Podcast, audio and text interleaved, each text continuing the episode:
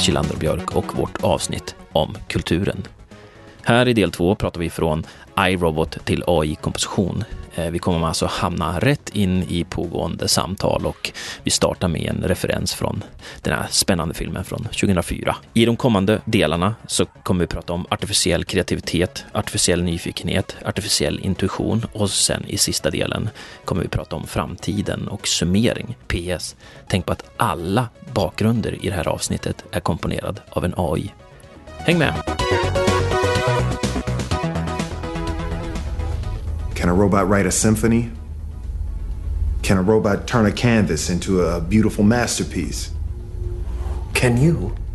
Det här är då, hörde du vilken skådespelare det var? Ja, visst var det Will Smith va? Jajamän. Kan du filmen eller? Eh, iRobot. Ja, snyggt. Han var ju lite teknikfobisk då i mm. 2001 kanske?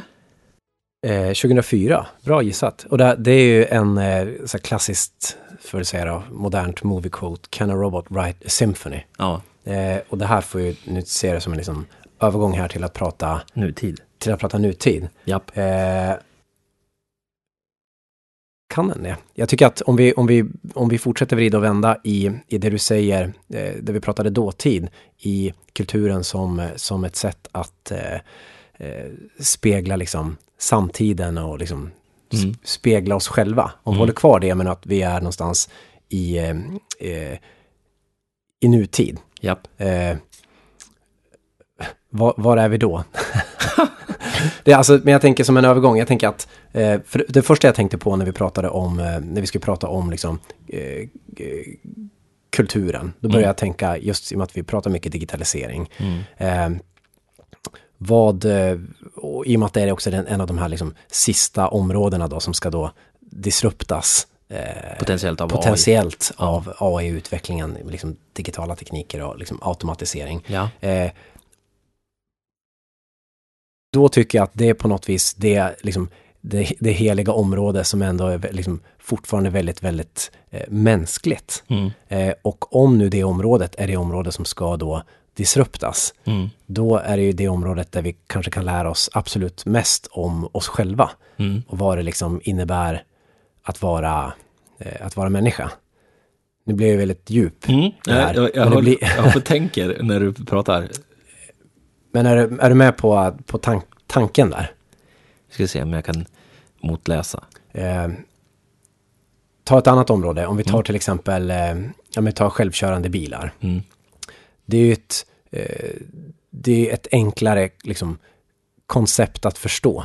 Just för att då eh, ja. konst eller musik eller teater är ju någonting som är väldigt liksom, folk kan, vissa liksom likskriver det med liksom en känsla. Ja. Och hur, här ska vi då liksom, här ska då tekniken liksom disrupta känslor. Ja. Nej, du har rätt. Det känns ju väldigt, väldigt avancerat. Och om vi kan förstå hur vi ska liksom disrupta känslor med teknik, ja. då måste vi ju liksom indirekt också förstå oss själva och vad det är att vara liksom människa. Och, och, och då förstår man ju varför då liksom Max Tegmark och alla andra sätter den här liksom eh, kultur eller konstnären högst upp på berget. Det sista liksom jobbet som kommer att bli ersatt. För att det är liksom så väldigt svårt. Men just därför är det så väldigt intressant tycker jag i, i att prata, prata om det i, liksom i det här sammanhanget. Sen, ja. sen skulle jag också säga att det är ju, eh, jag, jag tror att det är en av de liksom viktigaste formerna eh, hur, vi, hur vi faktiskt inte bara liksom speglar vår samtid utan vi också liksom ska förstå förstå den. Så men nu, alltså att kulturen, eller kulturens manifestation som liksom ja. ett, ett, eh, ett sätt att liksom eh, kanske också kritiskt liksom granska den utveckling vi är i. Alltså filterbubblor. Jag såg en, det var någon utställning, eh, eh, den var eh, på Luma, det var någon sån här Westbau i Schweiz, någon sån här, liksom utställning med någon installation av något slag. Mm. Eh, och den här installationen den då, eh, den var ett uttryck för eh, filterbubblor och man kunde gå runt där och titta i olika tv-apparater för att ja. liksom doppa, eh, doppa sitt sinne, huvudet i olika filterbubblor. Ja. Eh, och det var ju på ett sätt, ska jag säga, ett sätt att liksom kritiskt spegla. Ja. Eller illustrera. Japp vår verklighet på något sätt. Så där spelar den ju redan en Ja. roll. Jag tycker du är lite puckad, tar tid. Men jag, jag tror jag är med dig. Eh, du gör ju kopplingen här med mänskliga känslor och kulturmanifestation.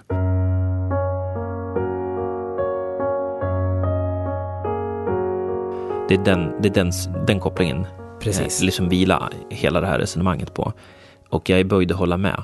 Att eh, det är klart att det är så. All kulturmanifestation är ju en container för att känslor ska kunna uppstå i andra apor efteråt. Ja men, exakt. Potentiellt. ja men exakt, antingen för att man vill, själv vill uttrycka en känsla Ja. eller för att du vill påverka andra. Att, att kä- känna någonting. Att känna ja, någonting. Ja. ja, jag håller med. Så, så med, det, med den kopplingen så är ditt argument att eh, det blir ju en väldigt avancerad utpost för att förstå mer om människor, för att kunna bli bättre på att liksom, ska, eh, liksom eh, få till att känslor ska uppstå. Ja men exakt, Typ bara, ja, Mm. bara en sån sak. Att, att, förstå, eh, att förstå varför gillar jag det ena men inte det andra. Ja, Eh, är det liksom en, är en konsekvens av min uppväxt eller en konsekvens av eh, de här, vad heter hon, den här konstnären Jenny Ny, de här tavlorna. som hängde hemma hos mig. ja, Mats, kliv in i min hjärna. Ja, jag, Nej, men men är, det, är jag påverkad av dem? Mm, eller är jag absolut. påverkad av någonting, är jag påverkad av någonting annat? Mm. Eh, Sådana saker vill man ju förstå. Jag hoppas och tror att vi kan förstå dem bättre. Nej, men någonstans så är det väl, jag håller med. Eh, vi, ska bry, vi ska bryta i lite olika riktningar. Någonstans så, för att kunna göra, för att kunna vara väldigt bra konstnär, och vi, bara, vi är bara överens om att när man är en konstnär, då producerar man konst oavsett vad det ska, om det råkar vara domänen musik eller teater eller, eller det vi tycker då är konst, alltså som eh, liksom på canvas. Eh, så skulle man ju från den här punkten framåt vilja att en konstnär använder kunskaper, strukturer eh, om Homo sapiens för att bättre kunna förmedla sin konst. Och då måste man som en ingenjör systematisera det. Är det, eh, är det, är det så som konst kommer tas fram i framtiden? Eller är det det som AI täcker för oss? Att vi använder... Jag vet inte. Ja, där landar nog inte i huvudet. Jag har, eh, det, det jag i alla fall kunde hitta, Ja. det är att jag, jag hittade tre eh, som jag tycker är illustrerande exempel utifrån liksom Kring- kring kring, nu, kring nutid ja, och kring, okej. kring det här liksom resonemanget kring eh, ett då som är mer, eh, ett som är, är konst, ett som är mer eh, litterärt och ett som är musik.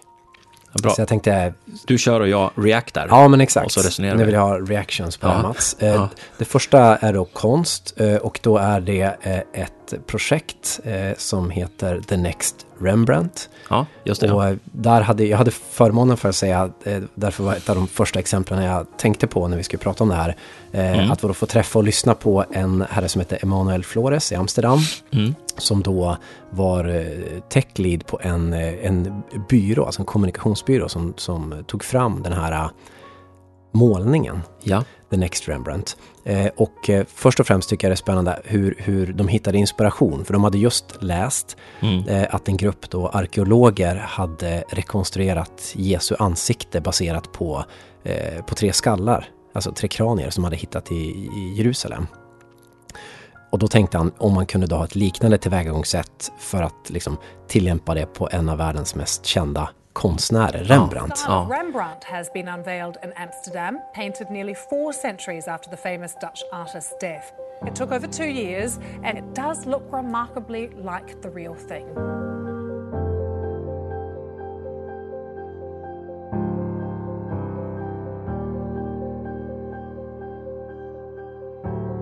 The next Rembrandt brings back to life one of the greatest masters. Only this time, data is the painter and technology the brush. Together with experts from various fields, over 160,000 fragments from all of Rembrandt's 346 paintings were analyzed using 3D scans and digital files, upscaled by a deep learning algorithm. Facial recognition software was designed to understand Rembrandt's style and generate new facial features, which were assembled based on his use of geometric proportions. Och du, nu spelar jag inte upp hela Nej. videon här också, men det är på något vis eh, jag varit jättefascinerad Mm. av det här projektet när jag upptäckte det och liksom förmånen att få lyssna på han här. Eh, för det är verkligen liksom gr- gränsen mellan eh, eh, konst och digital och, och känslor på Mm. något sätt som man träffar liksom eh, mitt i prick. Men den första frågan, och den, nu får du react här Mats. Japp. Är det här konst?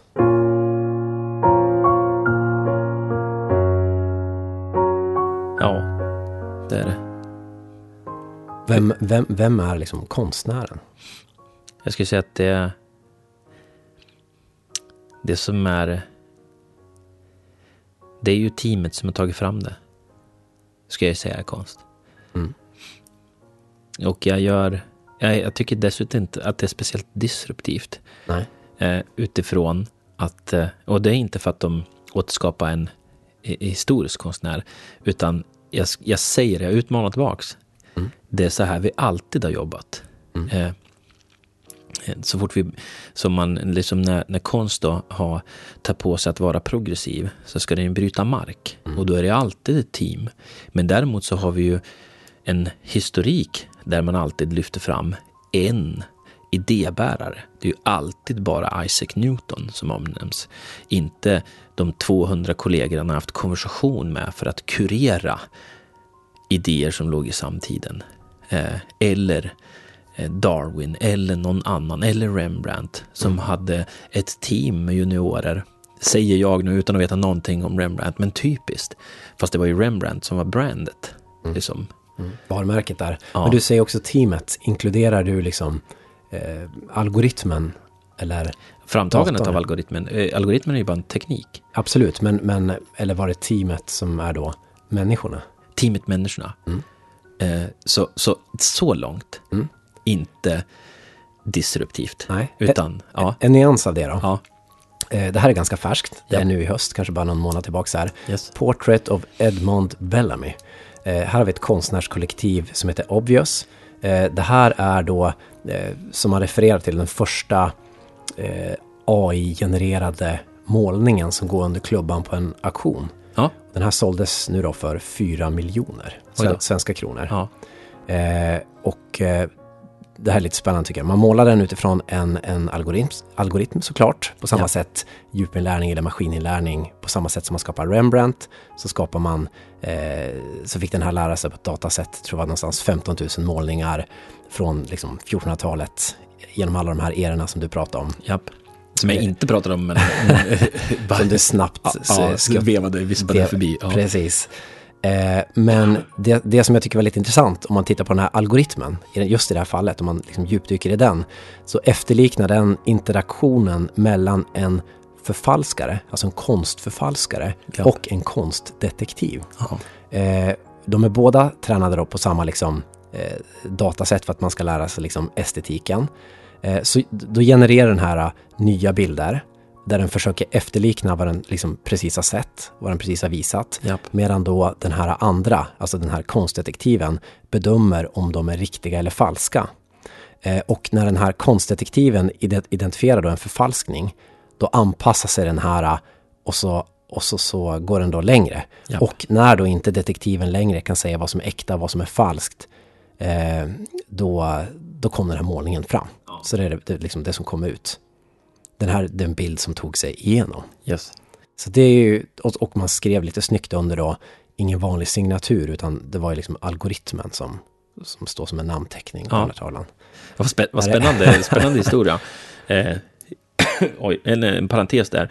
Det är ju så, det är så de eh, ingenjörerna, ska jag säga, bygger upp eh, hur djupinlärning ska se, gå till. Alltså att man försöker definiera ett, en spelplan och ett regelsystem. Så det var ju ett väldigt fyndigt sätt att komma framåt, hur, den ska, hur det ska bli så kompetent som möjligt. Då. Eh, jättesmart spel, liksom.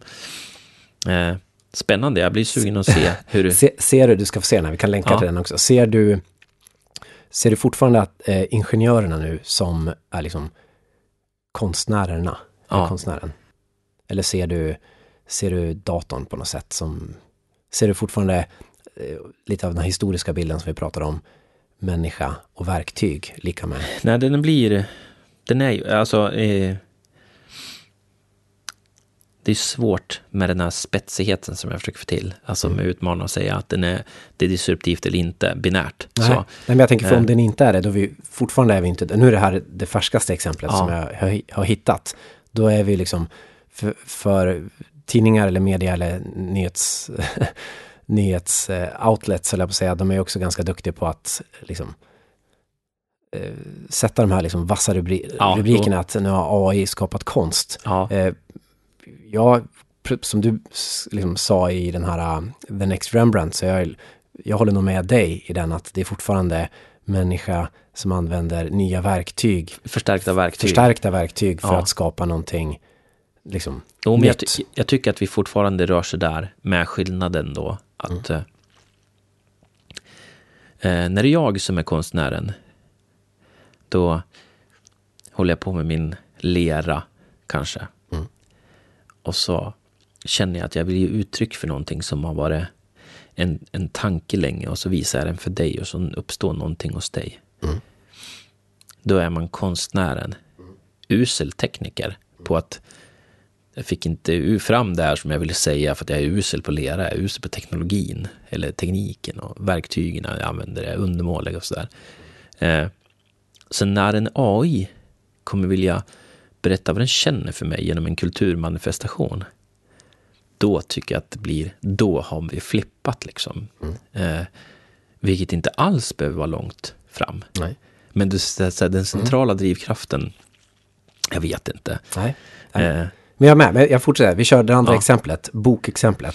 Mm. Eh, författaren och debutanten Alfred Rut, som bland annat var med och, och liksom, han har en bakgrund i tech, techvärlden. Han, han eh, eh, var med och grundade Video, Videoplaza. Eh, det han har gjort i alla fall nu då, när han är författare, det är att han har, eh, han har betatestat sin kommande sci-fi roman. Ja, För mig var det en fullkomlig självklarhet att innan jag kunde publicera en bok eller stå för den så behövde jag testa den med min publik. Det är så jag är van att jobba med min publik när jag, från techvärlden. Jag fick nästan svindel när jag märkte att folk i bokbranschen inte kollar efter med sin publik innan de publicerar böcker. ja, Det, var, det, det är liksom Alfred Rut. Eh, för betatester, det gör vi ju på liksom spel, appar, teknik. Mm. Eh, alltså testa liksom tidig, tidiga versioner av mjukvara mot eh, användare. Eh, det är då kanske inte en, en känd metod inom eh, bokutgivning. mm. Eh, och kolla upp lite grann var, varför han gör det här. För jag tycker det är mer än bara liksom ett spännande Mm. experiment. Jag tror att det är lite så här ledtrådar om, om, om framtiden. Eh, dels såklart att inte satsa allt på ett, ett, ett försök här. Ja. Validera användare. Nu, nu är han också debutant. Så han har ju kanske inte den eh, liksom, Expertisen. Er, expertisen Mm. erfarenheten som en, en författare som har skrivit mycket vet vad läsarna vill ha och vad de gillar Mm. och så vidare. Eh, men, men han får ju fram då data om liksom läsar, lyssnarbeteenden, det här med Ja. liksom eh, använda data, fail fast och hela den. Han säger så här då. Eh, jag drabbades av svindel när jag började sätta mig in i hur många, eller hur böcker normalt blir utgivna. Eh, jag frågade etablerade författare och andra i branschen och insåg till min häpnad att många böcker inte passerar mer än ungefär fem personer innan de hamnar på butikshyllorna. Och den här romanen som han släpper nu, den har då passerat 500 personer och då haft 12 olika eh, versioner. ja. Men då frågar jag Mats, kan det här liksom funka för de mer, eller mer, för de litterära verken? Det där är ju... Betatesterna. Ja, Kan vi, alltså ännu bredare, kan vi, ska vi, kan vi och ska vi applicera betatester på liksom eh, musik, eh, teater? om vi hittar ett sätt att eh, ställa den frågan utåt, att man förstår den, eh, innebörden av den, då skulle jag jättegärna vilja göra en undersökning på vad andra tycker. Så om ni lyssnar på det här, eh, skulle den där metoden, som är jättevanlig för hur man producerar digitala prylar, eh, fungera? Sätt ihop det med de stora ryska författarna eller några andra sådana här klassiska verk. Eh, när, när du verkligen ska generera storhet. För, är, är, är de, går det att kalibrera dem? Eh, Och jag frågar just för att det är så vi ser liksom digitaliseringen röra sig Japp. in på andra domäner. Om vi Japp. tar självkörande bilar då, som jag nämnde tidigare. Där måste vi ju liksom, där måste vi, de måste ju få faila. Vi Mm. måste ju lära vad som är liksom, vad misstagen är. Det Du säger extrem- liksom kör mig till flygplatsen och den tolkar det helt fel och kör liksom 300 kilometer i timmen. Ja, Eh, nej men alltså vi, den måste ju lära sig och då är ju det här ett av de metoder Ja. som liksom är eh, som, som andra branscher då disruptas. Japp. Och så kanske också då kulturen, vad vet jag. Det som är... Eh, den där metoden är ju pretty much den som AI också gör, när den försöker att eh, få så mycket kompetens som möjligt när den har förstått, tror sig ha förstått domänen och hur den optimerar sig själv inom den domänen. Så det är ju, det är ju bara en... Eh, det är en jättebra metod för att generera kvalitet, skulle man kunna säga. Och sen blir det ju uppenbart när vi då från vårt digitalskrå eh, gör det där liksom dagligdags för att nå så bra kvalitet, för att optimera resultat och bra, nå så bra kvalitet som möjligt. Och att ett gammalt skrå då, som eh, bok och författarskap inte använder den metoden, utan de har, deras kvalitet bygger på, att, på heuristisk expertis, alltså människor som har genom lång erfarenhet kan göra en bedömning om vad som är bra och dåligt. Och de ger lite olika resultat. Eh, så, nu, det var bara arenan. Eh, så kan, kan brott och straff uppstå, kan en bättre brott och straff uppstå ur en sån där metod än den klassiska metoden då författaren sitter och förfinar på kammaren i, i oändlighet? Eh, I don't know. Vi tar, vi tar, vi tar, vi tar det sista exemplet då. Det här är ju musik. Men ja, vänta, jag måste Ja. bara säga, det är ju en väldigt spännande fråga. Ja. Oerhört. Jag skulle vilja höra ditt svar på den innan du går vidare. Nu får du inte Men bara... på vilken? Hur, på den frågan jag Eller- ställde eller precis. ska- om, eller den kan ta- fun- om den kan fungera. Eller Alltså, ska vi resonera om alla nej. tre sen? Nej, jag, jag, om, jag kan svara Ja. vad jag tycker. Eh, Ja. För min, min första spontana reaktion, min liksom ärvda reaktion, eller den som jag har fått, liksom, det är så jag blivit liksom uppväxt och inmatad av liksom Mm. media, är att det är någonting fult att göra på det här sättet. För Ja. att en, en författare borde ha en, en, en grym, liksom, alltså fin, fin känsla av vad man ska skapa och varför man ska skapa det är också viktigt såklart. Eh, så jag, det var min första reaktion. Sen började jag liksom fundera lite mer, ja men jag började ta in det här och titta på exemplet och lyssna lite grann vad, vad liksom Alfred har att säga. Och jag tycker att det är, nej, på ett annat sätt tycker jag att det är liksom, det det är briljant. För jag tycker att det är ju det här sättet som, eh, som vi, som då konsten eller musiken eller teatern eh, kan utvecklas. Ja, Eh, sen är det ju, sen kan man ju fundera just det här, eh, en sak som, alltså om den här boken ska skapas för, liksom, för alla. Vad är det som säger att de här, det är fortfarande minsta gemensamma nämnare. Alltså om brott och straff ska vara en bok då som är en, som är en bok som liksom har tagit, liksom, tagit sig an världen. ja, Eh, vad är det som säger att inte liksom, den ska vara, eh, det ska finnas eh, 5,7 miljarder versioner av den. Ja. Som gör den liksom ännu bättre för just mig. ännu mer ändamålsenlig. Precis, så, så det, det är väl också lite så här koncept som vi lever kvar i. Ja. Det ska fortfarande vara en enhet som tillräckligt många ska tycka är bra och intressant. Det som är, eh, jag tänker vi, stannar ett litet tag till där. Jag tyckte det var ett så himla spännande område. Vad är det som säger att inte Dostojevskij eh, använder den här metoden fast slightly annorlunda? Han har som författare observ- eh, genererat en serie med olika hypoteser om människor och samtiden och vilken typ av berättelse han vill göra. Och så går han ut och provar den i olika fragment. Genom observationer, genom konversationer, samtal, liksom i sitt liv. Eh, som är pretty much samma, lit, med, med samma ansats, men lite annan metod. Alltså, han använder inte internet som distributionsform för att testa sina hypoteser. Men han, han sprang med ett knippe idéer. Och kanske genom konversation, sannolikt då. Eh, Då är det inte Ja. ja. eh, liksom, Och det här är ett sätt att, att eh, effektivisera och ström, strömlinjeforma Ja. processen på något sätt. Och även Rut här har ju också han har ju också använt den gamla metoden. Han beskriver ju, han, han sätter ihop en serie med olika idéer här nu som man har kommit fram till genom konversation och observationer och andra fältstudier och så här. Inte så där ordnat som jag, jag beskriver nu, men indirekt. Så är det ju någonting som har gått och målt i honom som han har testat och donat med. Som sen blir manifesteras på papper som man sen lägger på ytterligare en sån. Mm. Och, och, det fula i det, det är att det finns lite konsumeristiska tendenser. Vad skulle potentiellt ge mest marknadsfördelar för att den ska lyckas monetärt eller liksom så här i spridning? Absolut. Det är väl, det, är ja, väl det enda som är fult med det då, i så fall, utifrån mm. fin och ful kulturbedömning. Ja, för det, där är den ju också ett bra jobb tycker jag i liksom ja. spridningsstrategi. Att den lanserar sig själv samtidigt som den produceras. Så att säga. Men om man skulle kunna använda, fast fejka, eller med, på ett dolt sätt, kunde använda exakt samma metoder men gav illusionen om att han satt på sitt kam sin kammare och skrev Dostojevskijs Brott och straff, vilket jag, visst är Dostojevskij va? För mig, ja. Eh, fast han inte då använder den här öppna, virala spridningen av sitt verk, eh, som också tar hand om kvalitetsoptimeringen. Mm. Skulle vi då tycka mer om den? Är det mer mästerverk då? Mm. Eh. Nej, men och det, det, är ju, det är ju essensen av det. För ja. det vill vi ha, för det är en form av eh, att läsa en bok eller att se ett, liksom ett konstverk, det, är en, det är en upplevelse. Ja. Eh, och vill vi, eh, vill vi att den upplevelsen ska eh, maximeras, då, då skulle jag säga att då, då, då handlar det inte om eh, minsta gemensamma nämnare. Nej.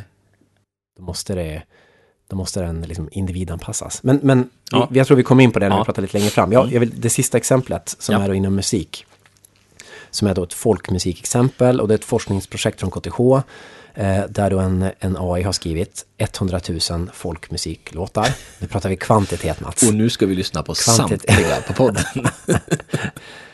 eh, Även här, eh, maskininlärning. Eh, datorn har fått lyssna på traditionell folkmusik från Storbritannien och Irland. Ja. Eh, för att då själv lära sig komponera musik. Eh, och eh, den, har, den, den, den försöker då förutsätta vad som ska hända liksom härnäst. Eh, baserat såklart på vad den tidigare hört. Mm. tiotusentals låtar har man då använt transkriberats, alltså har ja. de här låtarna för att man ska kunna ta in dem i, liksom, eh, ta in dem i den här eh, datorn. Eh, och eh, det här har då lett till massa kreativa samarbeten. Bland annat då har en kompositör som heter säger kanske fel på namnet, men Oded Bental ja. eh, har låtit en grupp eh, professionella irländska folkmusiker skapa ett album med folkmusik som bygger på, eh, på några av de här hundratusen eh, låtarna. Där man ja. har skapat som ett, ett fullängdsalbum. Eh, och för att man ska få in recensioner och kommentarer och omdömen, då har man då släppt det här albumet eh, online. Nu ska du få höra hur, hur det här låter. Härligt.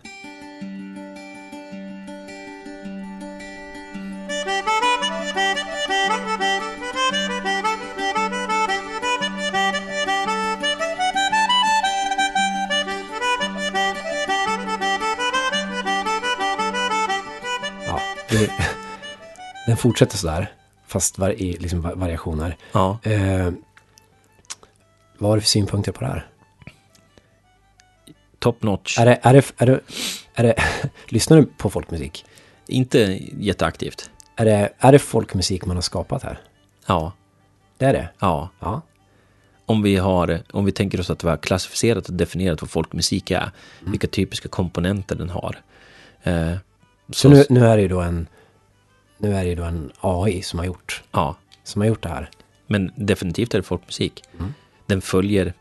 Eh, kan, men, och folkmusik är ju, nu tycker jag det är kul för att det är folkmusik som mm. är liksom ja, ja. från generationer. Eh, kan, det, kan, det, kan det fortfarande heta folkmusik även om den inte är gjord av folk? Definitivt. eh, säger jag, nu är jag ju jätte, jättekrispig tillbaka då. Eh, jag skulle ju säga att folkmusik är ju en klar definition som vi är överens om som, som jag är en student av folkmusik, då kommer jag och försöker producera, manifestera saker ur, ur folkmusik. Då kommer det låta sådär, mm. oavsett vilka verktyg jag använder. Uh, ah, och, det, det fin- och det finns många, vi har sett, det finns uh, Deep Bach, ja. ett projekt. har vi ett annat? Ja. Bot Dylan ja, har vi också. Nej men alltså så de är ju, eh, det är ju den, den, den liksom den är ju inom genren. Ja. För, för det är egentligen det som är grejen. Det, det jag då tycker Alltså jag, jag förstår din frågeställning och bus med begreppet folk här också versus dator. Eh, nej, det är ju en väldefinierad genre. Så om man tittar på det utifrån hur jag har uppfattat AI, eh, där du definierar fältet eller spelet och sen låter AI försöka optimera sitt resultat inom ramen för det spelet, då har du definierat genren. Den har studerat hur många folkmusiska musiska. ja. För de klarar ju, alltså tittar man på de här, liksom, det där klassiska Turing-testet, liksom, mm. så kan vi så är det många experiment som liksom eh, validerar då den tesen att vi kan inte skilja Nej.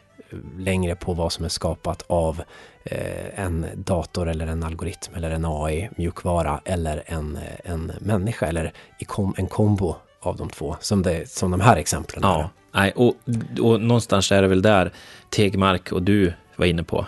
Du och Tegmark. jag gillar det, jag och Tegmark. Ja. ja, och jag tänkte att jag skulle gruppera er två, lika stora tänkare. Ja, nej, men just att eh, de här topparna i den här eh, liksom, topografin som du pratar om, topparna av komplexitet är det som avgör när AI kommer att bemästra det. Mm. Och en sån sak som det klassiska Turing-testet, som mycket väl kan ske i närtid nu, att vi klarar det, är ju det, det här otroligt komplexa, att ha ett samtal eh, med allt som det innebär. Allt i, i kommunikation som det innebär är mycket komplexare än folkmusik. Mm. Säger jag då. Mm. Men mm. så att toppen för folkmusik är, det är typ, det är knappt Kebnekaise, det är Sylarna kanske. Mm. Medan konversationer är ju någonstans i Himalaya. Mm. Verkligen. Eh, då, Verkligen. typ.